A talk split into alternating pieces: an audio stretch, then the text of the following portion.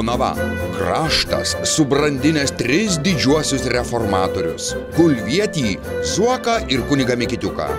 Vienas jų sėkmingai reformuoja bažnyčios įvaizdį, įsigydamas prabangius automobilius už iš neįgalių senučių išviliotus pinigus. Jonava tai miestas, kurio postuose socdemų tiek daug, kad reikalui esant vietinė partija galėtų skilti ne į dvi, o į penkias. Gulbių ir azoto miesto žmonės. Plojimais pasitikite, laikykitės ten vedėją Andrių Tapiną. Labas vakaras. Labas vakaras. Sveiki, Jonava, sveiki visi mūsų žiūrintis, kad ir koks dienos metas bebūtų. Labas šalyje, kurioje koks nors mielas pirmakursis, pasidalinęs pusgramių žolės su kambarioku, gali supūti kalėjime nuo 2 iki 8 metų. Labas mano šalyje, drasi, savo piliečių sauganti ir nebauginanti ateities Lietuvą. Bet, kaip sako kultūros komiteto pirmininkas Karbauskis, jaunimas turi žinoti, kas jų laukia. Vat kad jūs taip rūpintumėtės jaunimo ateitimi šitoje valstybėje, kad jie tikrai žinotų, kas jų laukia. Ir kad premjeras liaudųsi laidęs jų keliukus apie tai, jog emigracija yra mados reikalas, būtų super. Nu, bet čia tokie ankstyvi kalėdiniai mano norai. Bet su ta žole, žinokit, tikrai bėdos. Paskutinė žolės auka vargšas Remigijus Šimašius, kurio jau pradeda darytis žmogiškai gaila. Nesiseka niekaip. Vilniuje atidaryta Lūkiškio aikštė, kurios pokyčius Vilniečiai sudirbo taip, kaip net Vanagaitė savęs nesudirbo. Esminis priekaištas - per mažai žolės. Mes filmuojam Jonavoj, tai gal čia ne visi suvokia, koks svarbus dalykas Vilniečiams taiga tapo Lūkiškio aikštė, kurią jie vidutiniškai aplankydavo realiai niekada. Vat įsivaizduokit, jeigu pas jūs Šiaurės prospekto ir Jonavos gatvių sankryžoje pakeistų šviesoforo dizainą ir žalias signalas atrodo nebe toks žalias. Tad įsivaizduokit, kokia rimta problema dabar kamuoja sostinės gyventojus - žolė. Aš noriu žolės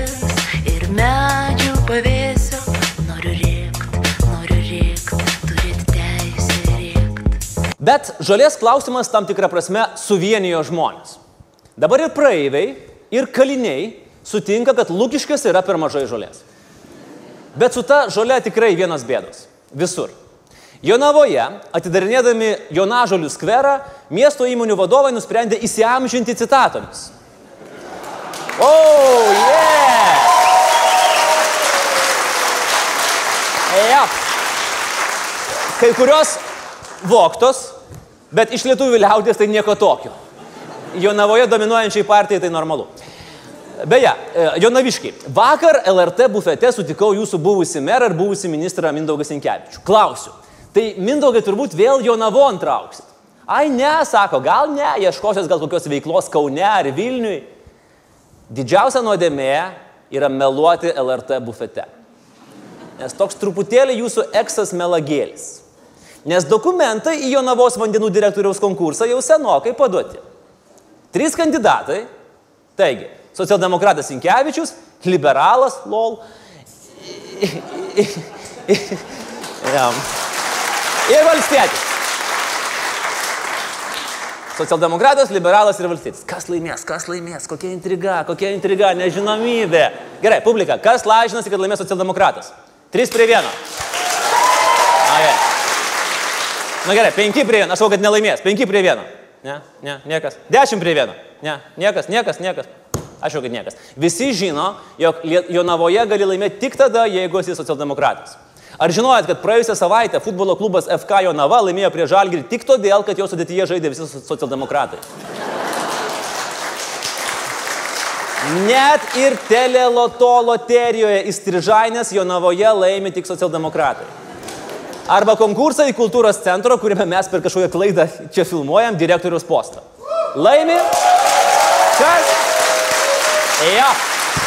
Laimi socialdemokratas Sergejus Jefimenka. Tada per kelis mėnesius išėda labiausiai nusipelniusius Jonavos menininkus ir ansamblio vadovus, o už tai meras socialdemokratas jam beveik padvigubina algą, nes atėjo laikas. Sotsdemo direktorių kritikuoja portalas Jonavo žinios. Nieko tokio. Galima pasiskūsti portalą nusipirkusiam partijos bičiuliui tarybos nariui Jonui Kaminskui, kurio žmona yra portalo direktorė ir tada apie kultūros centro direktorių portalas jau daugiau neberašo. Paprastas ir sėkmingas demokratijos modelis. Jaunos mūsų demokratijos formos šiame gražiame mieste kartais primena vienos klaipėdėtės keptus keksiukus. Šią neįtikėtinai svarbią istoriją pasidalino portalas, kurio pavadinimo mes neminėsim, bet jame figuruoja valstybė ir paros metas. Super istorija. Klaipėdėtė Evelina kepė keksiukus, o vieno iš jų formą atėmė žadą. Suprantat, kas čia pavaizduota? Taip. Politikams priklausanti žiniasklaida, Kevino Speisio karjera arba Vilniaus mero pastangos nors kažką nuveikti prasmingo. Nesiseka jiems visiems. Priešingai nei Utenos miestui, kuris šią savaitę gavo trečią geriausią dovaną po to, kai gimė Jonas Valančiūnas ir Utenos gamykloje prakiuro vamzdis.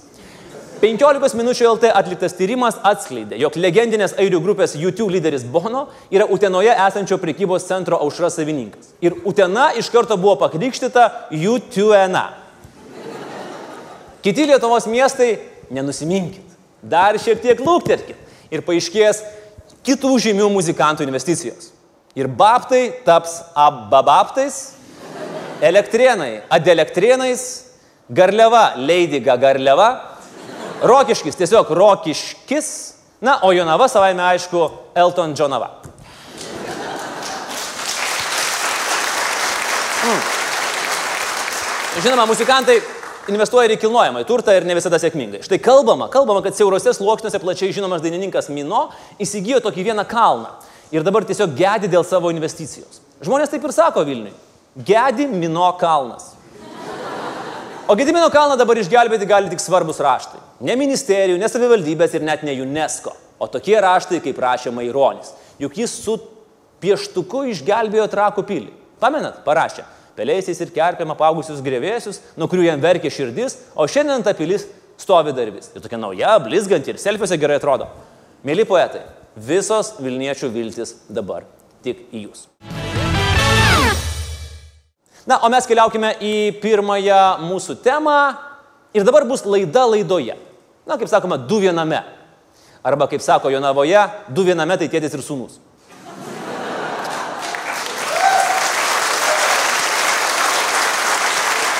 Du viename tai yra tas pats, kas balsuoti už vieną socialdemokratų partiją ir gauti dvi frakcijas. Arba priglaudus mielą katytę, po poros savaičių turėti puštuzinį miaukčiančių pukotukų. Mūsų mini laida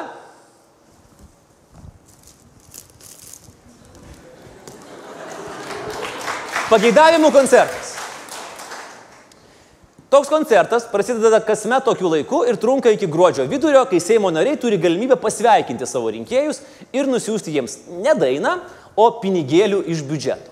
Va tas magiškas metų laikas, kai biudžeto ir finansų komitetas arba BFK tampa visų Seimūnų BFF, nors rezultatas vis tiek visada tas pats FK. Kai nesi tikras, ką sveikindamas dovanoti, renkiesi arba gero gėrimo butelis, arba vokelis su pinigais. Abu variantai Seimo nariams tokie pat nejaukus, kaip, nežinau, konservatorius Majauskas gėdantis himną prie konteinerių.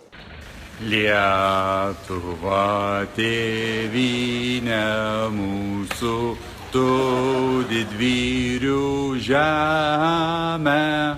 Tad geriau bandoma baliui paimti iš biudžeto. Nu juk ten vis tiek valstybės pinigai, o tai reiškia, kad kaip ir niekieno tie pinigai.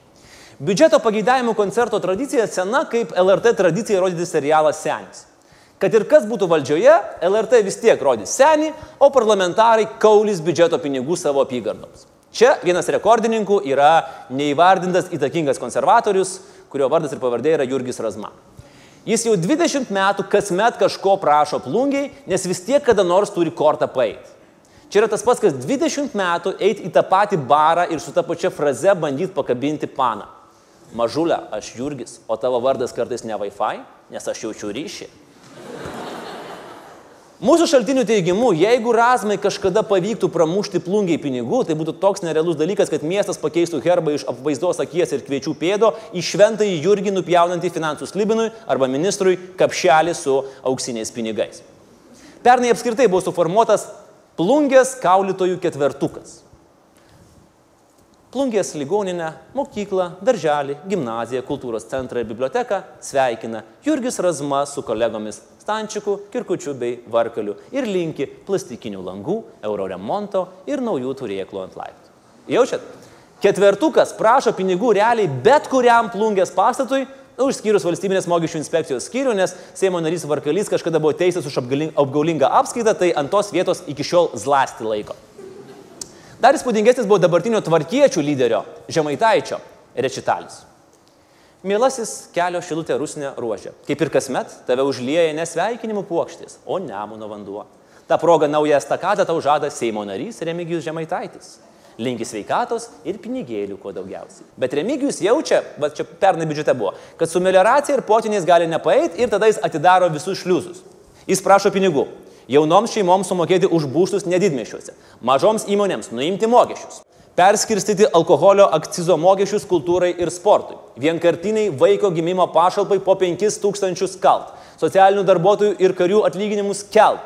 Kaip, iš kur, neaišku, kaip, kodėl, nesvarbu. Užtat šypsosis mamos, krikštaus vaikai nedidmešiuose, o tiečiai skaičiuos eurus piniginėse. Narnijoje arba stebuklų šalyje, kur žemaitaitis pateko pro triušio urvą, o ne realiame pasaulyje. Prieš keletą metų prie Lito ir prie Butkevičiaus, nu tai, ką mūsų vaikai vadins tamsiaisiais amžiais, buvo paprasčiau ir aiškiau. Tada Seimo nariai neoficialiai pasakojo, kad norėdamas atsiginti nuo daugybės kaulytojų, premjeras Butkevičius pažadėjo, kad kiekvienas valdantysis Seimo narys savo apygardai galės prašyti iki milijono litų. Nu, kaip per firmos kalėdinį baliuką, kai jūs keičiatės dovanėlėmis ir sutarėt, kad dovanėlė neturi viršyti 5 eurų. Beje, tik tokiu būdu paskui ir būna parduotuvėse išperkamos kvepiančios žvakės ir spalvoti muiliukai. Butkevičius aišku neigia, nu bet realiai. Koks skirtumas, ką Butkevičius neigia. Nes šiaip ir nelabai neigia, tik teigia, kad neigia, gal po to persigalvojo, gal sakė, kad diskutavo apie tai, nu, kad prašydami pinigų savo rinkiminiai apygardai neperžengtų proto ribų. Nu, kokių šiam milijonų litų, taip iš akies. Didžiausia Seimo kaulytojų ir pageidautojų problema - blogi žmonės kurie nesupranta, kaip jų apygardom reikia pinigų. Pasiūlymui nepritarta. Pasiūlymui nepritarta. Pasiūlymui nepritarta. Pasiūlymui nepritarta. Nepritarta. Nepritarta. Bloga vyriausybė, beširdė. O Seimo narys juk buvo gatavas marškinius susiplėšyti, kad tik jo apygardos bibliotekoje išklijuotų naujus tapetus. Šitie Seimūnų pasiūlymai biudžetui labai primena žaidimą Pirk dramblį arba futuristinę automatizuotos beprasmybės viziją.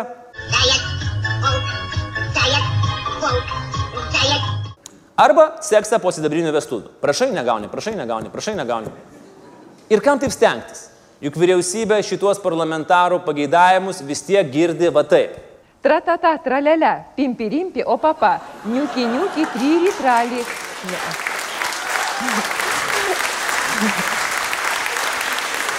Palauk, bėg, kad aš susikaupsiu. Tratata, tralele, pimpi rimpi, o papa, niuki niuki, tryti trali vali, pipi ripi, kuzi kuzi. Nes Seimo posėdis visada baigėsi tą pačią frazę. Nepritarti visiems Respublikos Seimo narių pateiktiems pasiūlymams dėl įstatymo projekto gautiems tų ir tų metų lapkričio gruodžio mėnesiais. Visada. Karas baigėsi, ačiū dalyvausiems arba laimingų kalėdų ir naujų metų. Skirstomės. Sveikinimą išklausėt, nieko negavot, grįžtam į kasdienybę. Tai kodėl žmonės Seimo nariai vis tiek pešasi, dalyvauja tose dalybose? Beje, net ir anglakalbėme pasaulyje yra toks terminas - pork barrel. Jis kilęs dar iš vergyjos Junktinėse valstijose laikų, kai vergams už darbą būdavo atiduodama statinė sudytos keulienos. Bet jie turėjo tarpusavėje rungtis, kam kiek jos ten atiteks. Taip pat ir mūsų Seimo nariams. Matyt, biudžetas atrodo kaip tokia didelė keulystė Seimo narių. Vyriausybė rodo pinigus, o išleis neduoda. Ir tos keulės dalybos vyksta kasmet. Bet juk šitam Seime jau neturėjo būti nieko panašaus. Juk atėjo nauji žmonės. Nesugadinti Seimo koridorių intrigų ir vis dar tikintis, kad antrame aukšte yra slaptas kambarėlis, kuriame nuo sausio 13 tūno Landsbergis. Juk jie tai jau netaškys mūsų pinigų į kairę ir į dešinę. Nesiautės iš džiaugsmo, kaip bestuburės gyvūnais mintantis usūrinis šuo atsidūręs liberalų sąjūdžio tarybos suvažiavime. Juk ne. Deja, yra problemikė. Finansų ministras Šapoka neatsargiai prasitarė apie tai, kad 18 metais biudžetas gali būti perteklinis. Užsiminti Seimo nariams apie perteklinį biudžetą yra tas pats, kas zombiams parodyti skelbimą smegenis ten. Arba paaugliams pasakyti nuogos krūtis ten. Arba tiems patiems paaugliams pasakyti sostų karų naujas sezonas ten. Nes nu čia yra tas pats. Ir prasidėjo. Vėl prasidėjo sveikinimai. Mėlyjeji, sveiki atvykę į pageidavimų koncertą 2018. Sveikinimų ratas dar tik įsibėgėja ir tęsis iki gruodžio vidurio, o pasiūlymų iš biudžeto jau turime už 300 milijonų eurų. Taip sakant, čia dar tik gėlytis. Pradėkim sveikinimus nuo didžiausių šaunuolių. Valstietis, bušidistas, bušidi, bušidaris, bušidininkas, Kestutis Mirnovas. Tas pats, kuris Vilkaviškio apygardoje atliko skausmingą veiksmą ekspremjerui Butkevičiui per rinkimus. Už tai mes aišku dėkingi, bet ne tiek, kad dabar jis galėtų parceliuoti biudžetą. Smirnovas Seime metus tylėjo, mąstė. Nei vieno pasiūlymo teisės aktams, dabar iš karto penki. Op! Milijonas Kibarto mokyklai, 100 tūkstančių šakių kultūros centrui, 3,5 milijono Vilkaviškio sporto saliai, 3 milijonai likusiems sporto objektams visoje Lietuvoje. Nu, va, toks stilius. Lauki, lauki, lauki, lauki, tada bats atakuoja penkių smūgių kombinaciją. Ir pats Kestudis Mirnovas įspėja, kad dar tai tik maža dalis jo pasiūlymų. Jeigu visas šito Seimo nario darbas bus tik siūlymai, kur išleisti valstybės pinigus, tai Vilkaviški geriau gražink mums Butkevičių. Nu, tas bent prie bairių. Kad ir šitas paskutinis. Spjovė į nedėkingą Vilkaviškį ir ėmė rūpintis Radviliškiu. Kad ten vykstančiam Europos žmonių festivaliui būtų skirta 100 tūkstančių eurų. Tvarkėtis Algymantas Dumbrava savo apygardą ne tai, kad rūpinasi kaip tėvas, lepina kaip senelis. Net ne kaip senelis, o kaip angelas. Kai paskaitai jo padėjėjų aprašytus vizitus Zarasų ligoninėje. Cituoju. Ligonius pradžiugino Seimo nario dovanoti vaisiai ir saldainiai. Buvo ligonių, kuriems Seimo nario dėmesys buvo ypatingai reikalingas, o kelių senolių akise sužvilgo net ašaros. Net ir smarkiai karščiuojantis tiesiai virpančias rankas, kad bent prisiliestų prie Seimo nario.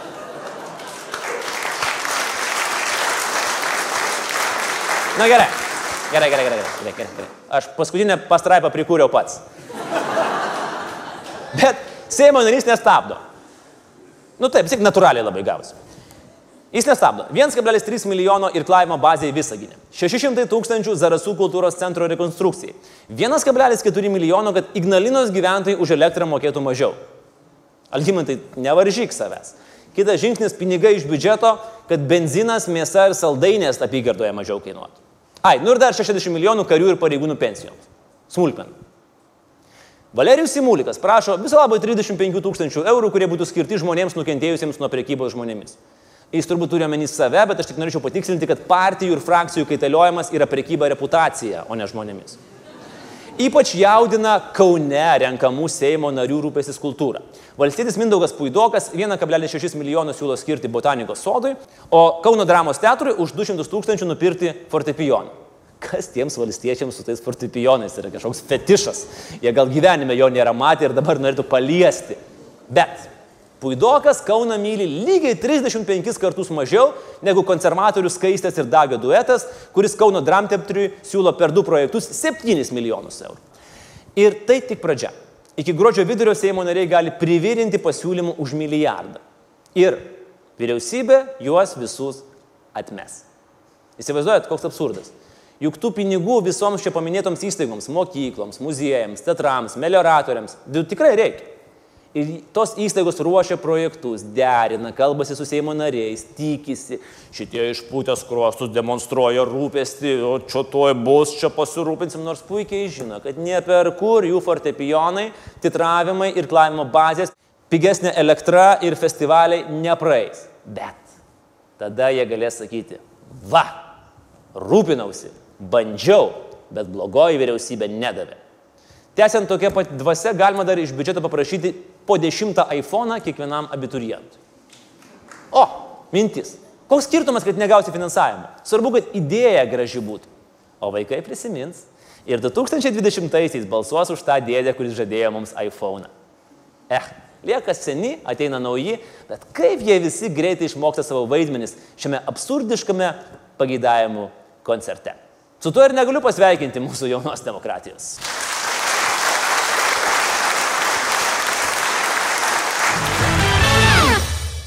Dabar Lietuvoje yra lab, pats madingiausias žanras, turbūt dabar yra plėšyti marškinius ant savęs. Tas toksai labai iš, iš sovietinių filmų, tas persiplėšti marškinius ir štai žiūrėkit, mano širdis dega ten ir taip. Ir aš rėkiu tiesą ir ko garsiau ją rėkiu, to... Čia, to, to, čia, čia. Čia apie patį, jo, tai Taip, aš, taip. tai ta prasme, nepergyvenkit, jums Praeis. dabar 40, ar Taip. ne? Tai, tai dar kokie 7 metai. O, o, maža agrarinė valstybė. Pamenat šitą visą be Aš abejo. e, dėl šito, tai aišku, aš norėčiau atsiprašyti. A, vi, a, vis dėlto turėsim atsiprašymą. Aš norėčiau atsiprašyti Lietuvos, nes iš tikrųjų Lietuva yra milžiniška industrinė imperija žengianti į kosmosą. Ir kas galvoja kitaip, O, oh, yes! tas turės reikalų su Tas, mumis. turi, tas bus nubaustas, labai gerai. Ne, tam teks atsiprašyti. Atsiprašinėt labai svarbu, kad žmonės atsiprašytų. Kaip Bradauskio eilėraštyje aš e, nebedu tautos, aš sėdžiu po šakom akacijos baltos. Toksai žylas, suskiauterė, sensėjus. Viską matęs, viską patyręs ir sako Lietuva, ašara Dievo akį. Legalizuok marihuaną. Nes aš e, iškart pradėjau įtart, kad tai galbūt galėjo būti ir mūsų, galbūt tai Lietuvo žurnalistai sugalvojo mhm. tokį tą po... Čia aš pirmiausia jūs įtariau, šiaip. Mane. Taip. Atsiprašau, kada čia buvo skambinta? E, Šiandien. jūs tuo metu tikrai nebuvote užimtas, aš kiek žinau. Ir a, šio vakaro pagrindinė tema - naudingi idiotai. Iškart pabrėžiu, ne Lietuvai naudingi idiotai. Arba dar kitaip, kas nutinka, kai visuomenėje Lietuvai žalingi pasisako žmonės su realybės suvokimo koficientu, kuris reikiuojasi tarp e, Lietuvoje mėgančios koalos ir pimpaškiukų. Posakis naudingas idiotas pirmą kartą užfiksuotas 48 metais New York Times. Naudingais idiotais vadinti žmonės iš nekomunistinių šalių, kurie labai prijautė komunizmui ir dėl to buvo neatsparus propagandai. Tačiau yra šaltinių rodančių, kad naudingais idiotais dar Leninas vadino tuos, kuriais buvo lengva manipuliuoti tam, kad toliau būtų sėkmingai statomas komunizmas. Bet grįžkime prie naudingųjų. Turbūt pirmasis iš tokių pavyzdžių buvo Walteris Duranti. Vakarų žurnalistas, 21-34 metais gyvenęs Sovietų sąjungoje. Walteris taip stipriai tikėjo sovietizaciją, kad rašydamas vakarų spaudai neigė holodomorą Ukrainoje. Išgarsėjo fantastiškų tekstukų Alkani, bet neišbadėję rusai. Primena Vilniaus spaudą, kur rašoma Gedimino kalnas slenka, bet neslysta. Arba portalus, kurie rašo Lietuviai išvažiavo, bet neemigravo. Ir taip toliau. Lietuvoje tradicijos dar senesnės. Nors tokius tipus tada mes vadinom nenaudingais idiotais, o pagal šlovingas abiejų tautų respublikos tradicijas glupai dupek. Viskas prasidėjo 1792 metais nuo Targovicos konfederacijos įkūrėjų. Konfederacijos tikslas buvo su Rusijos pagalba likviduoti ketverių metų Seimo priimtas pažangės reformas ir konstituciją. Nes juk niekas taip gerai nemoka stabdyti progreso kaip Rusija. Žodžiu, tokia hebrytė buvo biški prie pinigo ir norėjo, kad atsikurtų ankstesnioji tvarka. Nes prie Ruso buvo geriau. Na, okei. Okay. Ruso abiejų tautų respublikoje nebuvo nekvapo, bet vis tiek jau tada visi žinojo, kad prie Ruso buvo geriau. Nebent jie galvojo, kad prie Ruso, prie Žano Žako Ruso buvo geriau. Nu, vat mes nesam tikri ir istorikai abejoja. Bet prie Ruso abiejų tautų respublikos teritorija būtų nedaloma, o svarbiausia, nebūtų apkarpytos kilmingųjų teisės. Konfederatų manifesto tekstą parašė OPA, rusų generolas Vasilijus Popovas. Va taip, Lenkų lietuvių magnatų rezoliuciją parašė rusas. Ir dar su inicialais VP. Nenustabu, kad į konfederatų pagalbos prašymą Rusija sureagavo, surprise, surprise, itin greitai. Operatyviai. Vos po keturių dienų pasiūsdama draugišką 65 tūkstančių karių armiją per Lietuvos-Lenkijos sieną. Tai čia pirmą kartą istorijoje buvo toks užfiksuotas Adin Zvanok 4 tanki konceptas. Reikia pabrėžti, kad čia buvo pagalba kaimynams, todėl karo niekas kelbti neketino. Humanitarinė misija. Na žinot, kai draugiška rusų kariuomenė įveikė nedraugiškas Lenkijos ir Lietuvos pajėgas ir atstatė tvarką Lenkijoje ir Lietuvoje. Primena šiek tiek Ukrainą, tiesa?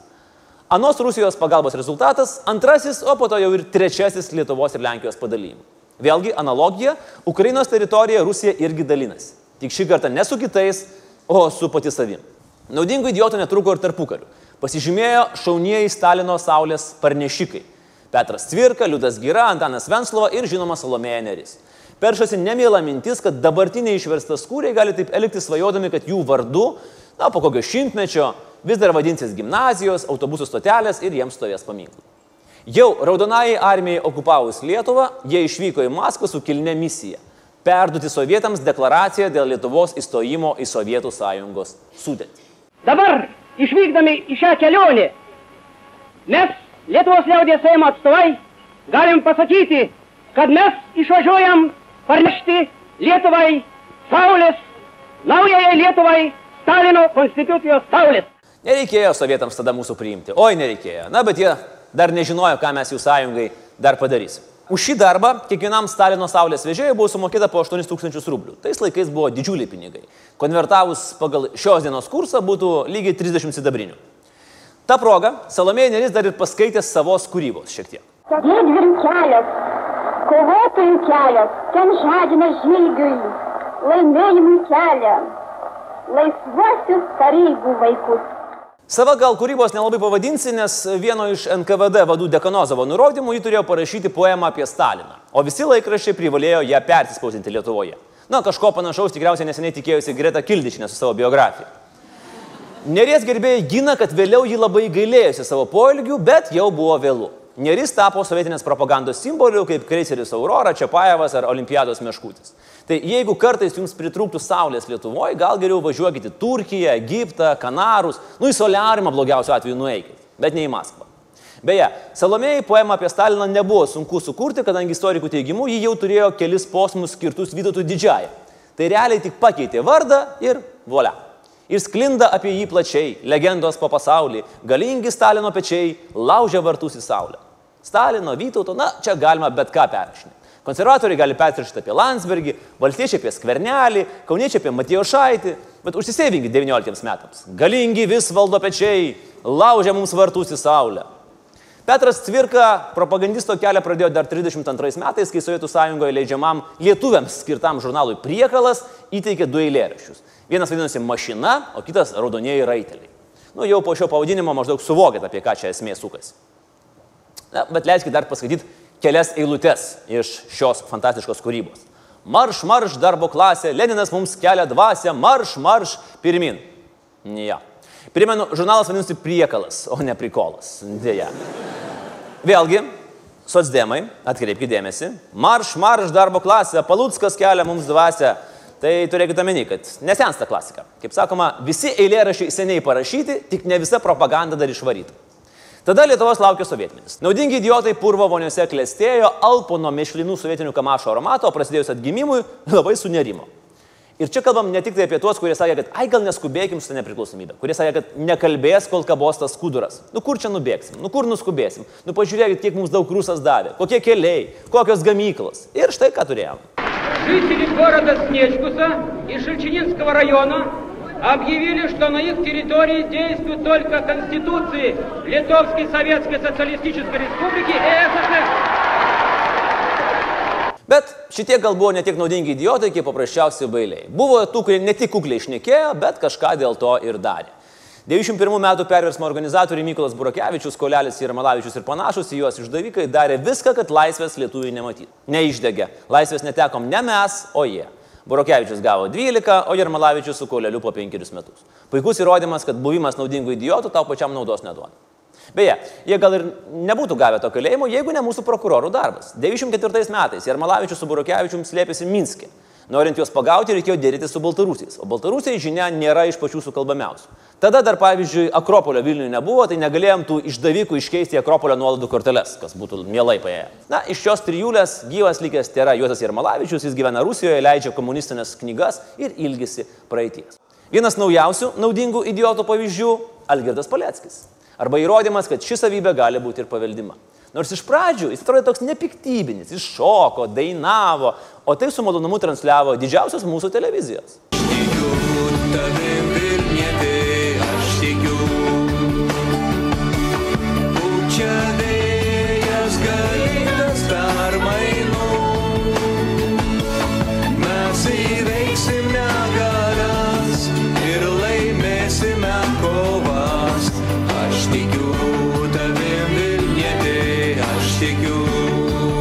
Ir tada buvo visiems labai jokinga. O vad šoko šoko, o po to dėjo šoko. Sausio 13 neigimas, savi šaudė į savus, komentarai Kremliaus televizijoms ir pernai tik per Monikos plauką netapo Seimo nariu. Laimė, gyvenimas nėra pasaka ir čia broliui kvaileliui taip gerai nesiseka. Na, o šiemet, o dabar, iš tiesų dabartiniai Lietuvoje naudingų idiotų apstu. Kad tarp jų nepasimestume, pamėginkime įvertinti juos pagal naudingų idiotų etatinius tauškalus. Arba tiesiog koeficientą niet. Kuo labiau esi naudingas idiotas, tuo didesnis tavo niet rodiklis. Taigi, nieko nelaukdami, pradėkime reitingą nuo pirmosios vietos. Nebijotinai, net MVP, kas reiškia maksimaliai vertingas Paleckis, pelno rašytoja Rūta Vanagaitė. Viskas jau visuomenėje buvo išsakyta ir apie jos poziciją dėl Adolfo Ramanausko Vanago ir dėl jos santykių su nacijų medžiotoju Zurafu, kuris yra Kremliaus finansuojamos antinacijų organizacijos narys. Trumpas rezume, ką mes dabar turime dėl jo sukelto balagano. Vanagaitė gal, gal ir ironiškai, bet Rusijos renginyje akcentavo, kad Lietuvai būtų geriau, jeigu ją okupuotų Putino režimas. Vat po to pasivarty, kad nori, kad čia aš pajokavau. Nepasitenkinimą ir nepritarimą visai šitai situacijai išreiškė Europos žydų kongresas. Pone Vanagaitė dabar važinėja po kitas šalis, pristatinėja savo knygą ir sakoma, kad ji yra grėsmė nacionaliniam saugumui. Ji pati taip save vadina. Tiesa, reikia atkreipdėmėsi, kad ponia Vanagaitė atsiprašė. Nu, po to, kai buvo sumaišyta su žemėm ir pada- padarė, matyti, negryžtamą žalą savo ir visos Lietuvos reputacijai, bet atsiprašė. Dėl to atsiprašym. Žiūrėkit, Vanagaitė apdirba Vanagą. Tada pareiškė, kad nenorėjo. Suprast, nenorėdama dirbo. Tada vėl apdirbo. Tada vėl atsiprašė. Tada vėl apdirbo. Ir va taip dirba iki šiol. Toks vidinis asmenybės kilimas tam tikrosnės sluoksniuose vadinamas šizofrenija ir paprastai suvedamas į sakinį, ar norite apie tai pasikalbėti. Bet galėjo būti ir blogiau. Vanagaitė galėjo pradėti rašyti knygutės vaikams, kaip Kosas Kubilinskas. Toliau, antroje net reitingo vietoje Juozas Tatkevičius. Nu, talentingas bičias, tikrai nieko netims. Ir bičias metai iš metų pila pamazas ant Lietuvos, nors kolekcijų pristatymams nespjauna pinigus iš tos pačios valstybės. Žinoma, menininkas turi kentėti, kitaip jo menas nebe toks dvasingas. Ir mūsų Juozas kenčia. Kenčia represijas, persiekimą, mokesčių nusavinimą, kankinimus. Ir baisiausia komentarus internete. Jau nekalbu apie fotografavimąsi prie automobilio Audi, va čia kokia kančia yra. Čia iš tiesų yra susidorojama su jautria menininko siela. Kai kilo skandalas ir sustojo bilietai į kolekcijos šou, Juozas irgi pradėjo atsiprašinėti, sakydamas, kad nesupratęs, su kuo šneka. Problemėlė, kad Sputnikas pateikė visą įrašą, kuriame aiškiai girdisi, kad viską dizaineris suprato ir dargi privarė tiek, kad net į interviu netilpo. Но меня всегда масштаб потрясает э, Москвы и России. Там сколько людей, а у нас сколько людей? Полтора милли- миллиона осталось. И, и, и вы не представляете, полтора миллиона не можно управиться вообще. Потому что, ну, каждый раз все глупее и глупее. Tai brangiai, Lietuvoje yra likę pusantro milijono žmonių. Sputnikas šitos frazės juozo net neįtraukė į savo straipsnį, nes supranta, kad, nu, turbūt absoliuti nesąmonė. Toliau Juozas tampa geležinkelio ekspertu. Вот в этом, что кто-то это брался и сделал, а теперь вся Литва будет платить. Ну Так да. как народ будет очень рад платить 200 миллионов? Откуда? Пусть эти, которые так сделали, пусть за эти и заплатят. Kalba apie tai, jog už a, išardytus bėgius mokėsime 200 milijonų eurų baudos. Nu, nesvarbu, kad iš tikrųjų 28 milijonus eurų. Nu, su apvalinu. Jis gal taip ir kainas už suknelės apvalino. 10 kartų. Nu, bet pripažinkim, nu. Bet dėl ko mes vat, apie tai kalbam? Dėl ko viskas paprasta? Iš pavydo. Nežinau, ir nežinau, ko jis prie manęs priekabiauja tas tapinas, nežinau, ko jis iš manęs nori. Aš prie, viskas išaiškėjo, aš prie jo priekabiauju iš elementaraus pavydo. Kad negarsinu Lietuvos taip kaip Juozas. Ką jis nuolatos akcentuoja? Čia sekundžiai staptelkim ir aš pasakysiu labai atvirai. Mano galva, Jonavos rajono, Kulvos seninijos, socialinė darbuotoja su rizikos šeimomis prie geresnės Lietuvos prisideda daugiau negu Juozas Tatkevičius, kuris pasaulyje garsina vienintelį dalyką - Juozas Tatkevičius. O interviu auksinis, reikėtų paklausyti daugam. Apie tai, kaip čia nieko nėra, kaip čia neįmanoma gyventi, kaip mes esame susipykę su visais rusais, latviais ir estais, apie tautų draugystę, ke kelios minutės, žodžiu, pilna plokštė. Paskutinės tris interviu minutės Kremlio žurnalistas jau pats nori padėti ragelį, bet Juozas varo neklaustas. Kaip apibūdinti visą šitą situaciją? Tokia stiklinė, e, lašas, lašas iš degtuko moka priskaldyti, žinot, vežimą ir, ir jūra stiklinėje. Vat.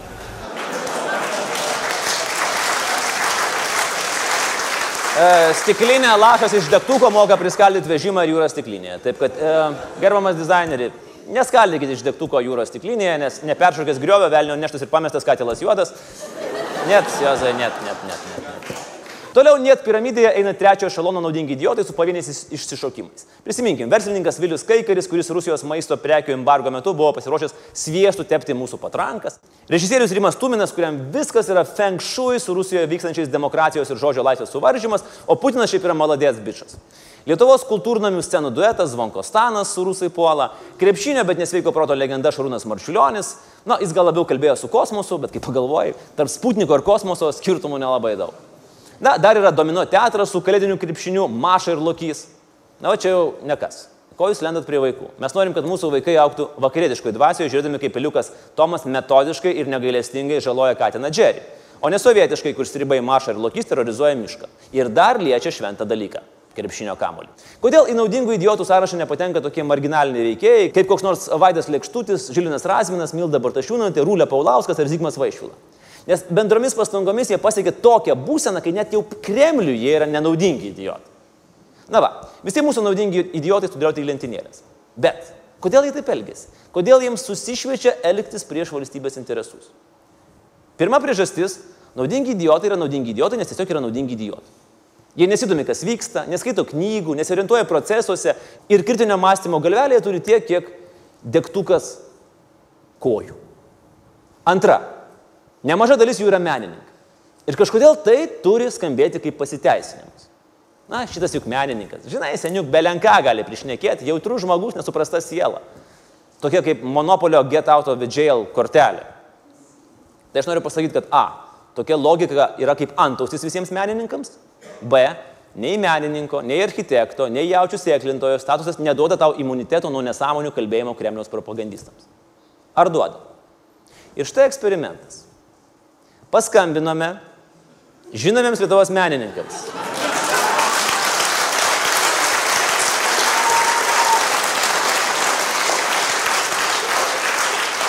Ir prisistatę iš radijos Sputnik, panorame pakalbėti apie meną ir gyvenimą. Na, žinot, pirmas klausimas, kokie jūsų ateities kūrybiniai planai?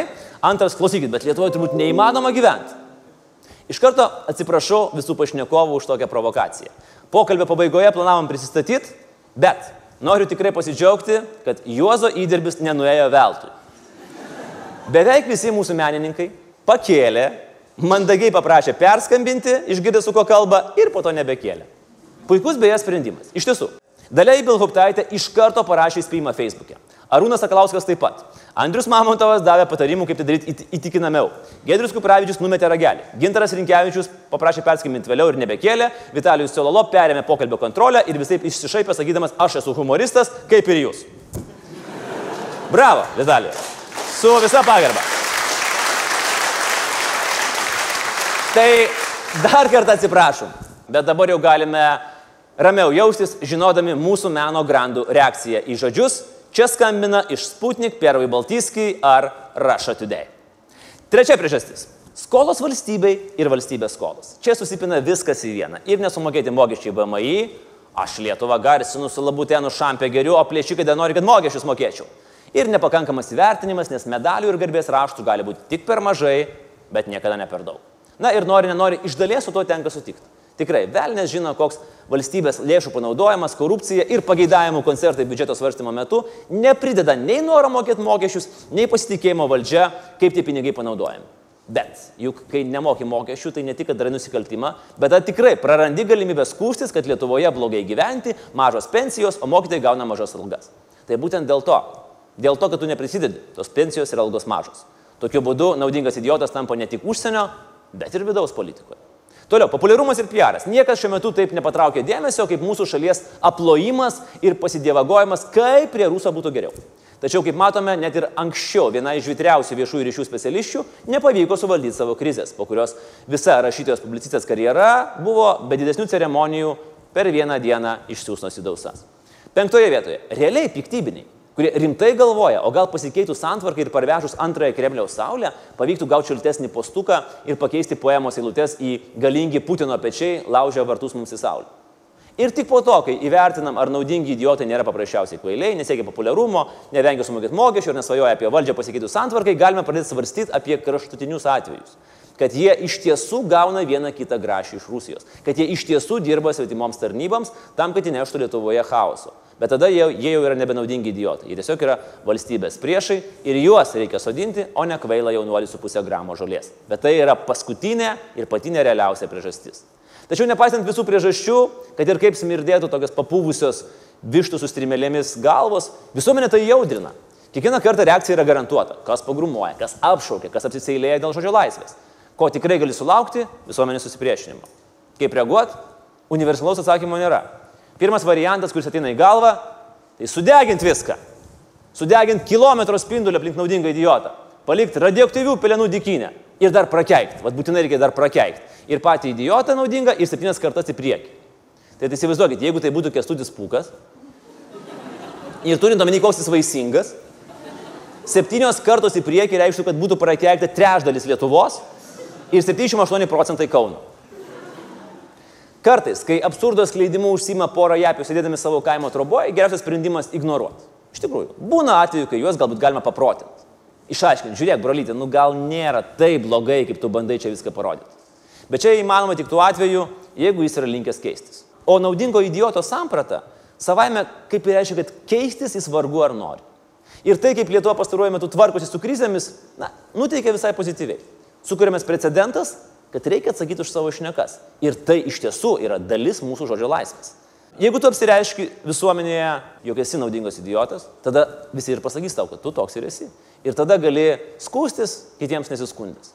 Ir čia jau būtų pats metas mūsų laidoje pasveikinti mūsų jauną demokratiją su tuo, kad mes pramokstame reaguoti į juos. Bet dar palaukime. O kaip žinot, kad pats nesi naudingas idiotas? Gal į tave visuomenė kreivai žiūri, tik tu to nesupranti? Gal tavo lygio išvalgomis pasinaudoja koks nors Kremliaus putnikas?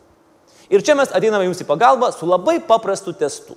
Kiekvienas jį galite atlikti ir būti ramus. Arba neramus. Kiek man jie naudingo idioto? Dešimt paprastų klausimų, kurie leis įsivertinti, ar galite būti Kremliaus įrankis informacinėme kare. Atsakymai paprasti. Taip arba ne. Pirmas klausimas. Ar galima maišyti meną su politika? Taip, ne. Antras klausimas. Ar galima maišyti politiką su menu? Taip arba ne. Trečias klausimas. Ar jūs prikirpo valstybinė mokesčių inspekcija už nesumokėtus mokesčius? Taip arba ne. Ketvirtas klausimas. Ar jums patinka, kai jūsų patranka pate pasviestų? Taip arba ne.